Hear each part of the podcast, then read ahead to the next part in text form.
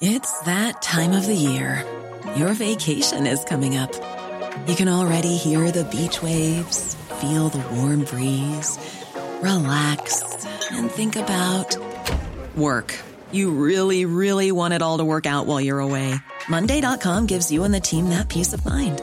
When all work is on one platform and everyone's in sync, things just flow wherever you are. Tap the banner to go to Monday.com. Jewelry isn't a gift you give just once. It's a way to remind your loved one of a beautiful moment every time they see it. Blue Nile can help you find the gift that says how you feel and says it beautifully with expert guidance and a wide assortment of jewelry of the highest quality at the best price. Go to BlueNile.com and experience the convenience of shopping Blue Nile, the original online jeweler since 1999. That's BlueNile.com to find the perfect jewelry gift for any occasion. BlueNile.com.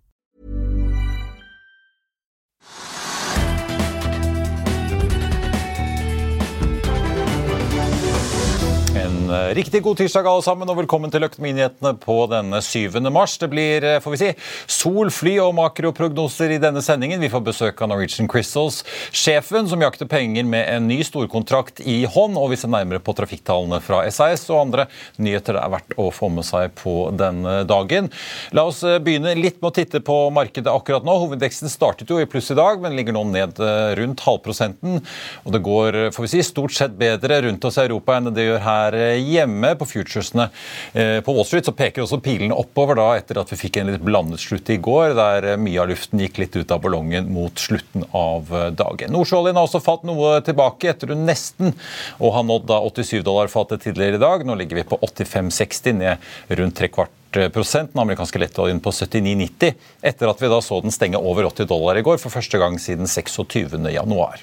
SAS er ute med trafikktallene for eh, februar, og aksjen er opp en 2,5 i dag. SAS fraktet 1,6 millioner passasjerer mot eh, Norwegian sine 1,2 da i måneden som har gått, og sammenlignbart for øvrig da opp fra 1,4 i januar. Sammenligningen mot eh, februar i fjor blir selvfølgelig litt spesiell, gitt at pandemien fortsatt preget markedet, men da er det snakk om en oppgang på over 60. Fyllingsgraden til SAS endte på nesten 71% i februar, mot Norwegian sine 84 og enhetsinntektene endte på 75 svenske øre per eh, setekilometer. Et, eh, får vi si, i hvert fall 10 øre over Norwegian selv, hvis man legger med Norwegians ekstrainntekter ved ombordsalg. SAS-sjef Anko Werft han sier sitat at vi fortsetter å forberede oss på en travel sommersesong og lansering av 20 nye sommersesongruter. Og han legger også til i dagens melding at SAS eh, da i måneden som gikk, gjennomførte sin første flight på den nye ruten til JFK, som SAS gjenåpnet for ikke så lenge siden. Analysesjef Jakob Pettersen i Sydbank kaller eh, trafikkrapporten et eh, fint belegg og yield i et marked hvor altså gjenreisningen av trafikken har stilnet litt for SAS. Ellers får vi ta med at flyselskapet også har funnet erstatteren til eh, Simon Pauk Hansen, som i mange år var driftsdirektør i SAS. Inn kommer Jason Mahoney, som tidligere var teknisk direktør i British Airways. NO er ute med sin ferske konjunkturrapport Økonomiske overblikk i dag. Og får vi si, Øystein Dørup, sjeføkonomen, sier at eh, han først regner med nullvekst nå utover våren, før man får en temmelig svak oppgang da utover høsten. NO løfter anslagene sine for vekst, konsum og arbeidsmarkedet for både Norge og våre viktigste handelspartnere, men da bare for 2023. NHO regner også nå inn fire rentehevinger fra Norges Bank i år, som betyr altså at vi vil øke fra dagens nivå på 2,75 opp til 3,75 mot slutten av eh, året. Samlet anslår vi at boligprisene faller opp mot 7% legger også Dørum til om boligmarkedet i år. og Mer om de detaljerte anslagene finner du på FA No. Solstad Offshore annonserte like før børsåpning i dag at de altså selger hele flåten med supplyskip, 37 PSV-er i tallet, for om lag da 6 milliarder kroner til amerikanske Tidewater, og pengene skal Solstad bruke til å kutte gjelden. Og som du kan se på FA.no, så mener Pareto Securities at rabatten er på rundt 20 Etter salget så sitter Solstad igjen med 41 skip, bestående av ankerhåndterere og subsea-skip, hvor de også da fortsatt vil være en av de største aktørene i det globale markedet. Solstad sier også at de vil bruke da denne, hvis vi kan kalle det restrukturering av balansen, da til også å vri selskapet mot å satse på en del grønne segmenter også. Aksjen til Solstad har eh, startet litt uh, usikkert tidligere i dag, men er nå ned rundt 13 vi må ta en liten oppdatering på alle emisjonene som har vært. For det er ikke bare Nordic Mining som har vært ute og hentet penger i det siste. Det er også Nell og Archer. La oss begynne med oljeservicekonsernet til Jon Fredriksen. De henter altså 1 milliard kroner omtrent, da, eller 100 millioner dollar, til 1 krone aksjen i Archer, som en del av en større refinansieringspakke. Sammenlignet da, får vi si, med en sluttkurs da i går på litt over 5 kroner aksjen.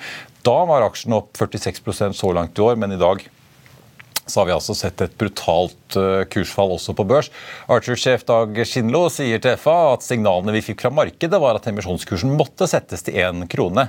Og i hvert fall nå så er aksjen da ned en 67,2% til så vidt over 1 krone og 60 øre. Hemen Holding, Jon Fredriksens investeringsselskap, er med, med i dag i emisjonen med sine 25 Det samme er Paratus Energy, som stiller med sin andel på 15,5 millioner dollar. Og Archer skal bruke pengene de får inn i emisjonen til å nedbetale gjeld.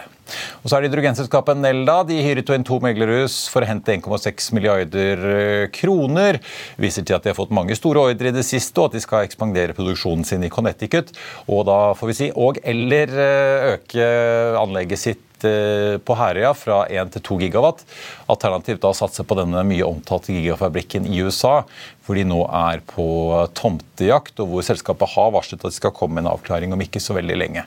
Emisjonen til Nell ble gjort på 14 kroner og 90 øre, og det kan også bli en reparasjonsemisjon som kan gi en 149 millioner kroner til. Nell-aksjen ned rundt 9% i dag og ligger og vaker omtrent akkurat på emisjonskursen. Dette er for øvrig den første emisjonen som Nell gjør under den nye konsernsjefen Håkon Volda, som tok over 1.7 i fjor. I mars i fjor så hentet Nell da 1,5 milliarder til 1530. Seismikk nå, for mens PGS er ute i obligasjonsmarkedet for å hente penger, og deres aksjer er opp halvannen prosent i dag, så er TGS-aksjen svakt ned. Samtidig da som seismikkselskapet arrangerer en kapitalmarkedsdag i Oslo sentrum. Vi får jo besøk av konsernsjef Kristian Johansen her i Børsmorgen i morgen tidlig, men før den tid, før den tid så kan vi høre hva aksjekommentator Karl A. Molnes hadde å si om meldingene fra TGS i morges. Bare se her.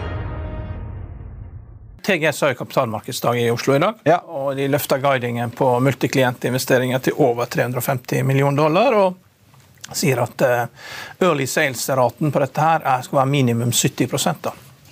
Og uh, det er uh, fem kjøp, tre hold, én salg, og kursmålet i snitt er 209. og Kursen er på 196, og jeg så jo enkelte meglerhus begynne å ta ned anbefalinger fra kjøp til hold. da P25 på 2022 og P13 på 2023. Så eh, de har jo tidligere Dette er jo, det er jo en serie oppgraderinger som har kommet, da, så det er jo ikke noe nytt at de stadig guider for positive ting.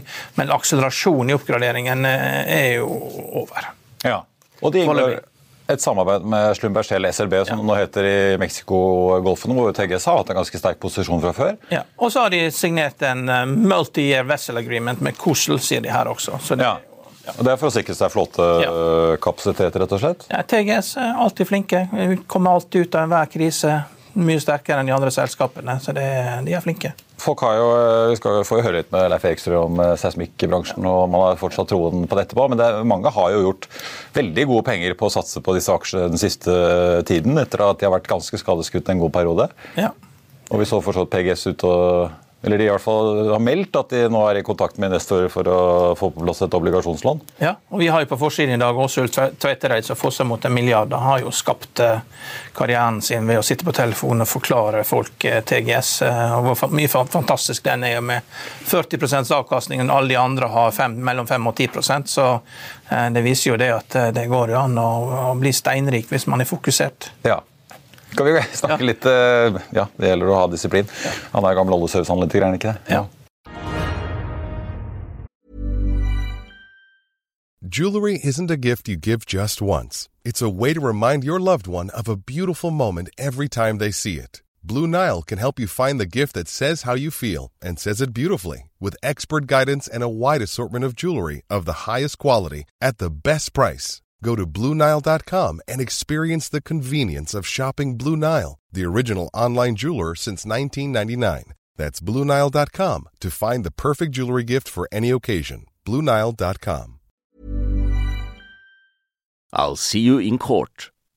Vi sier det ofte litt på spøk, men for deg som driver business, er det aldri moro å innse at du ikke har laget en 100 gyldig kontrakt. Du bør ikke risikere hele firmaet ditt fordi du synes dette med kontrakter er litt stress. En avtale er ikke en avtale. Du kan miste kunder, miste venner, ja, til og med miste inntekter om du ikke lager en skikkelig kontrakt, på alt mulig, egentlig. Men vi vet det er et styr. Kopimaskiner, tregprinter og haugevis av papir. Dessuten stoler vi jo på folk her i landet. Det er ofte litt kleint å skulle be om en signatur for alt mulig, ja, for mye av styret handler også om jakten på underskriften. Det finnes en enkel måte å løse dette på, Dukkobit, en trygg, effektiv og get this, gratis måte å sikre seg en god natts søvn pluss en juridisk bindende avtale. Dukkobit-appen har de strengeste sikkerhetskrav i bunn, samt en EU-godkjent og sertifisert teknologi. Framover vil det bli behagelig å spørre du, skal vi skrive under på det, eller? Kom i gang på dukkobit.no. Da skal vi til eh, dagens gjest, som vi vel kan si vil eh, igjen, i hvert fall være med på å gjenreise solindustrien her i landet til den gamle storhetstiden. I hvert fall i Glomfjord, for med en storkontrakt i hånd så er selskapet nå på pengejakt og vil ansette mange hundre nye ansatte i Nordland. Velkommen til oss, eh, Gøran Dee, Norwegian Crystals. Takk. Takk skal du ha. Kanskje vi, Mange kjenner deg jo, du har jo vært i Rex Silicon i mange år og er et kjent fjes i solindustrien. Men kanskje vi skal begynne med Norwegian Crystals. Hva driver dere med? Uh, inni hver solcelle så er det en veldig veldig tynn silisiumskive som man legger denne halvlederteknologien oppå. Vi lager de tynne silisiumskivene. Det er waferen? eller? Waferen, ja. ja. ja. Det er den vi lager. Det er den du lager. Og nå... Det gjør vi via en prosess da i, i Glomfjord hvor vi smelter en polykrystallin silisium, og så trekker vi et perfekt uh, krystall, og så slicer vi det opp. Så det er veldig geekete, men uh, det er det vi gjør. Og trengs jo stadig mer av. Uh, du klarer ikke å lage solpaneler uten wafere. Og vi ser nå som vi skal prøve å reise solindustrien, ikke bare i Glomfjord, men i hele Europa, så er det jo dette man mangler. Altså man har, man har forbruk. Og man har polysilicon, men man mangler dette i midten. Eh, så vi, vi sitter på flaskehalsen i, i denne bransjen. Litt eh, kort oppsummert så var jo dette en kjempeindustri som veldig mange hadde troen på for kanskje 10-15 år siden. Og så kom Kan man si at Kina kom inn og ødela litt? Og dumpet prisen og det er enda flere som har tro på det i dag. La meg bare starte med å si det. Ja, ja. Men, men, det som skjedde for 15 år siden, var jo at da var jo Norge og Tyskland var jo ledende på verdensbasis av å lage eh, ja, alt som skulle til for å lage solpaneler. Men pga. den heftige subsidieordningen fra Tyskland så maskerte det på mange måter at man ikke klarte å få ned kostnadene sånn så mye som man burde gjøre. ikke sant? Og så kommer kineserne og kjøper dette utstyret og lærer av oss, eh, og så gjør de det mye bedre. Så det er det kinesiske PV-industrien som har gjort at sol i dag er den billigste elektrisitetsformen. Så hvorvidt de tok det fra oss, eller altså vi lot det gå, ja. for å si det sånn. Ja, for det, på en måte det kostet jo oss dyrt. Det var mange som investerte i REC i sin tid, eh, som tatte mye penger, men det ble jo svært. Eh, det ble veldig svært. Ja. Og i dag så er jo bransjen 60-70 ganger hva den var da. Ja. i størrelse. Eh, vi har jo snakket om det mye på disse sendingene, hva som skjer i Rexilicon. og Vi følger jo med på industrien, eh, og det er jo veldig mye interessant som skjer. Men forklar litt nå, hva er det, Dere sier jo nå at dere vil gjenoppbygge industrien i Europa. Er det som følge av behovet faktisk i markedet, eller er det bare en ren geopolitisk på en måte driv bak dette her, fordi man ikke ønsker å være avhengig av Kina lenger? Det, det er begge deler, men det er, altså, det er, en driv i markedet som er ganske enorm. Og Det betyr at uh, nå er både Europa, Amerika, India de er såpass store markeder at de kan forsvare å ha sin egen industri. De kan faktisk uh, opprettholde sin egen industri og få den, få den lønnsom. Så det er, ligger under. altså at det er, det er, Dette begynner å bli så stort etter hvert at det er et rom i markedet der. Og så kommer det geopolitiske. ikke sant? Skal man uh, finne seg i å være Eller skal man stille seg i en posisjon hvor man fortsatt er 100 avhengig av et land langt borte for en veldig viktig komponent i energimiksen? Uh, og, og, der er vel det blitt mer og mer klart nå at, at, det ønsker man ikke. Så det er en geopolitisk driv, men det er også en underliggende markedsdriv som gjør at, at dette, dette skal være god business. Uh, nå har jo dere annonsert denne uken den ganske store nyheten om at dere har en ikke-navngitt europeisk, et ikke-navngitt europeisk energikonsern kan vi kalle det, som har signert en kontrakt med dere om å kjøpe inntil halvparten av produksjonen. Ja. ja det er en fantastisk hvilepæl for oss. i hvert fall. Dette har vi jobbet med nå i halvannet år. Det vil jeg tro. Men er det, si, er det, kunne de gått til Kina og fått det samme, eller er det såpass sprengt der nå at de måtte se andre steder? Nei, de kunne det. Men, men det som jo skjer av denne, dette geopolitiske spillet, er jo at det er en deglobalisering i hele verden. Eh, og du vil se disse, altså Europa, Amerika, India, du vil se Midtøsten ganske snart, du vil se Australia. Man ønsker å ha en regional supply for sine regionale behov. Ikke nødvendigvis for å erstatte det kinesiske tilbudet, men som et komplement til det. Så vi har eh, hatt, og vi fortsetter å ha, ganske tøffe uh, forhandlinger med denne kunden og med andre på hvordan skal vi benchmarke prisene, hvordan skal vi sørge for at vi får et cost roadmap som gjør at vi holder oss begge parter lønnsomme. Uh, og det er jo en forventning om at det skal ikke være så forferdelig mye dyrere å kjøpe europeisk enn det er å kjøpe kinesisk. Nei, Det må være litt av clouet, ellers så blir du vel avhengig av noen tollmurer ja, ja, som er ganske ja. solide. Ja. Og det er klart at uh, En viss støtte akkurat mens man bygger seg opp, for at dette er jo et skalaspill. altså Desto større skala, desto lettere er det å få ned kostnadene.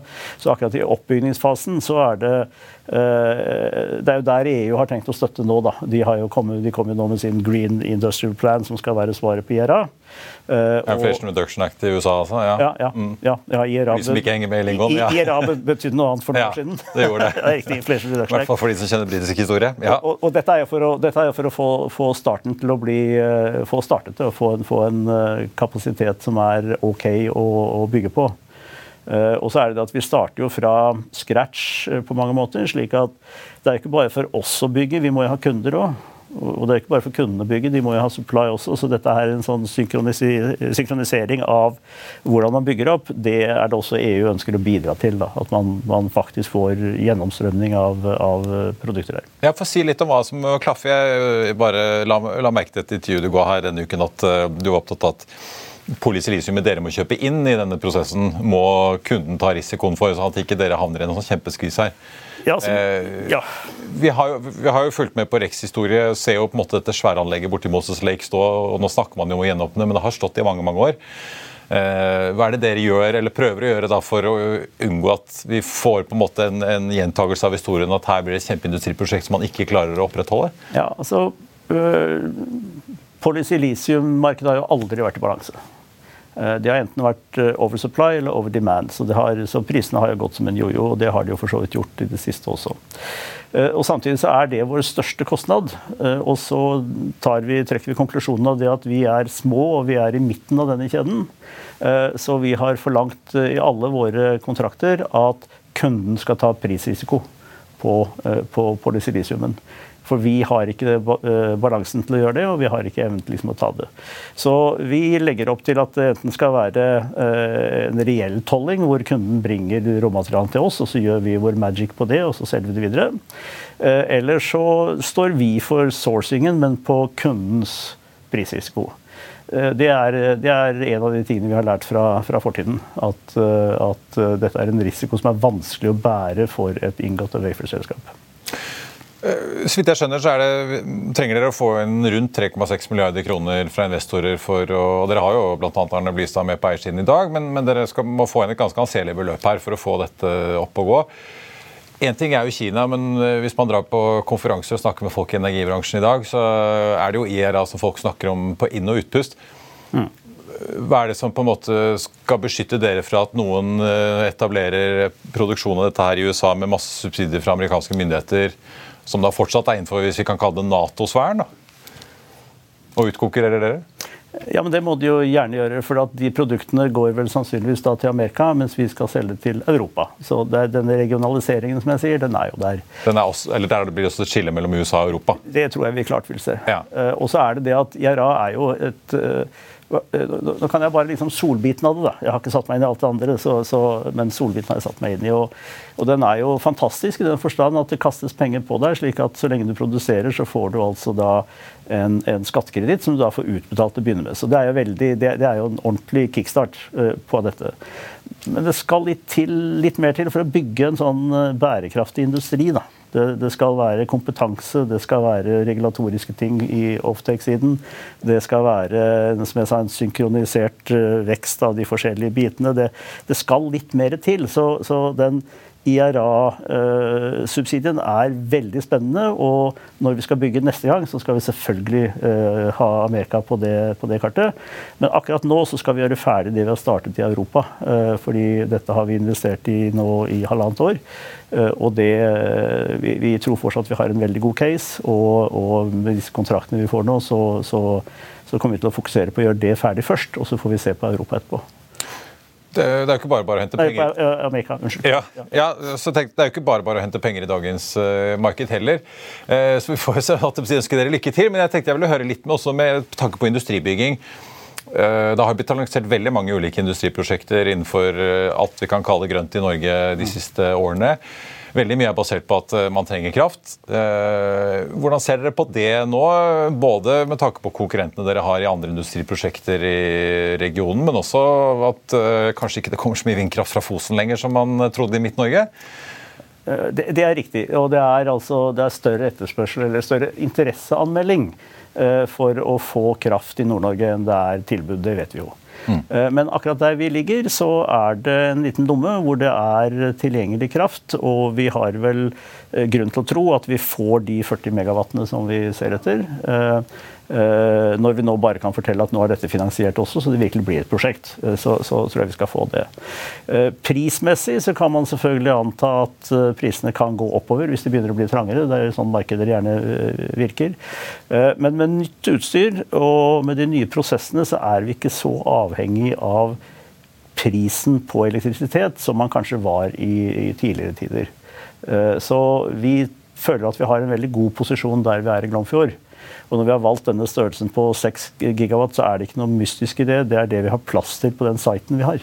Mm. Hvis ikke så skulle vi prøvd å gå litt større. Men, eh, men, dette betyr også det at vi, vi må jo våre visjoner se det at vi skal bygge mer siden, men la oss ta én ting av gangen. ikke sant? Siden du kjenner solindustrien såpass godt, da, øh, hører du på Rysta Energy, de som på en måte analyserer øh, energinæringen bredt, snakker jo om at Havvind der har man en god del utfordringer. Mange sliter med å finne god nok avkastning. På sol virker det som det er nesten endeløs uh, vekst, men man har jo noen ulike segmenter. Man har disse som vi ser flere av i Norge begynner å bygge nå, store på en måte utility scale uh, solparker. Mm. Uh, som bl.a. Energeia ønsker å bygge ut, og flere andre. Magnora. og så har du jo liksom sol på tak. Mm. ser du noen utfordringer i solbransjen som det man ser i Vinno, hvor de sliter med både marginene sine og avkastningen i prosjektene. Eh, eller gjør du ikke det? Og hvor er det du tror liksom veksten vil komme i Europa fremover?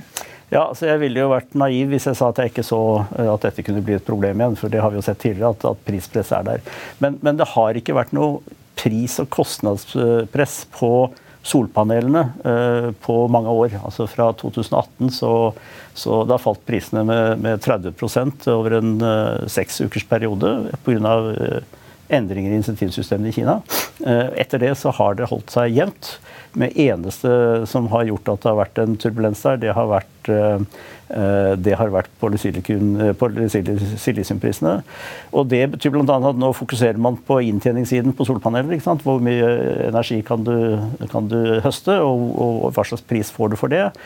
Og denne eh, elektrisiteten nå fra, fra fotovoltaisk, fra, fra lys til elektrisitet, er nå billigst mange steder i verden på, uten subsidier. Så, så, dette kommer til å fortsette å, å, vokse på den måten.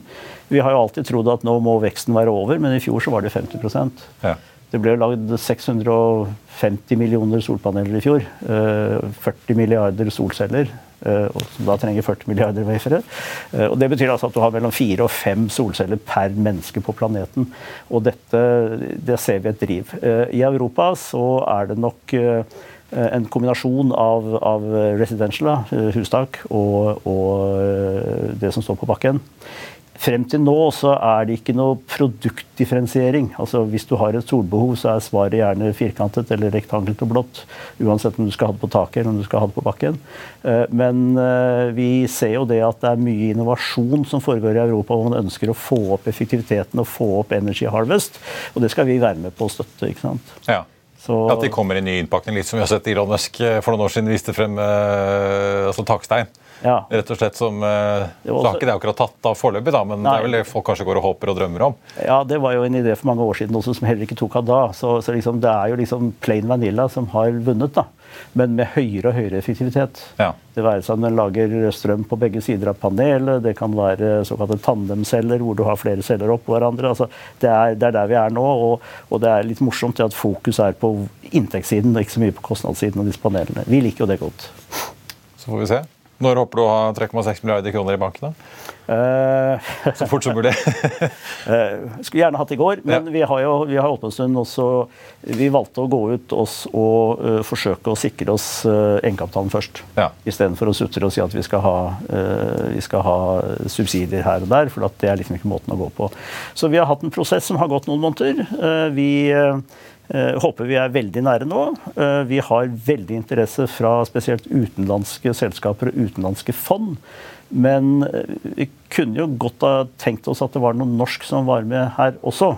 Og det er vel en av de tingene som, som er en liten sånn utfordring vi vil kaste ut. Da, at kanskje norske industri- og energiselskaper som skal bli grønne, og som er avhengig av solkraft for å gjøre det, kanskje de kunne se en verdi i det å sikre at det ikke ble, bare ble kinesiske paneler som de skulle være avhengig av.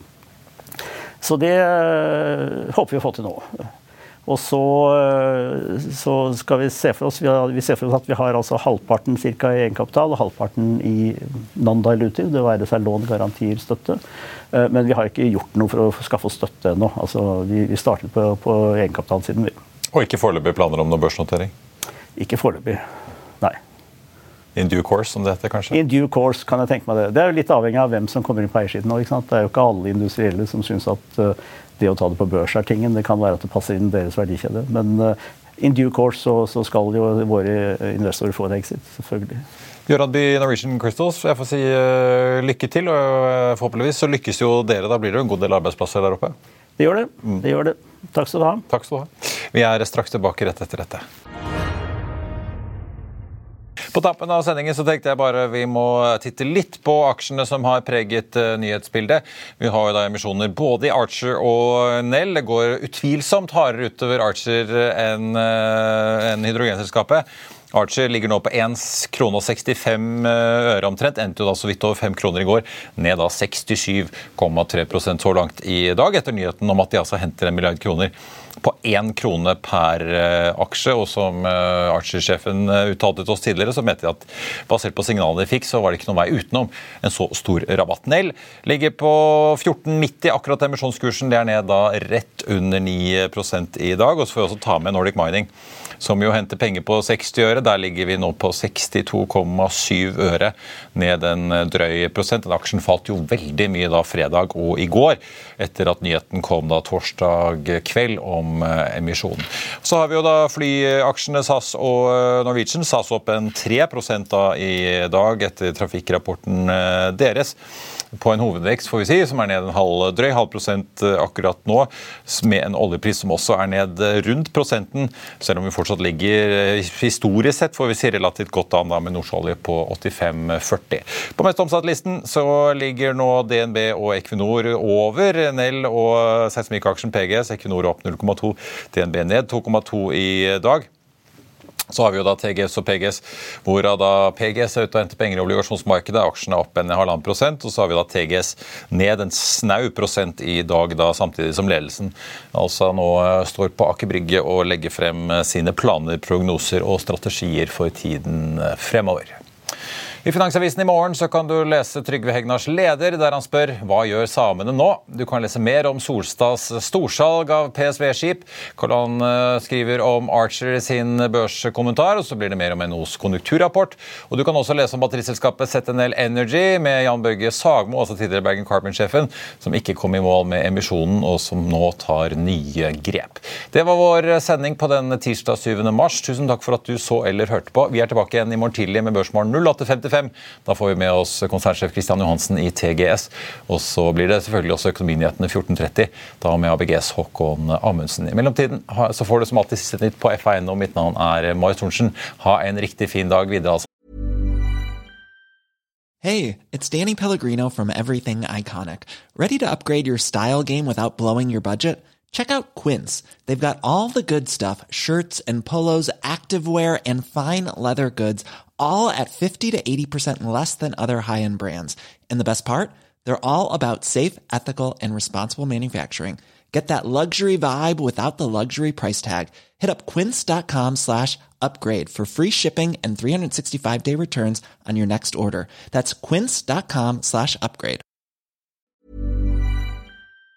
For.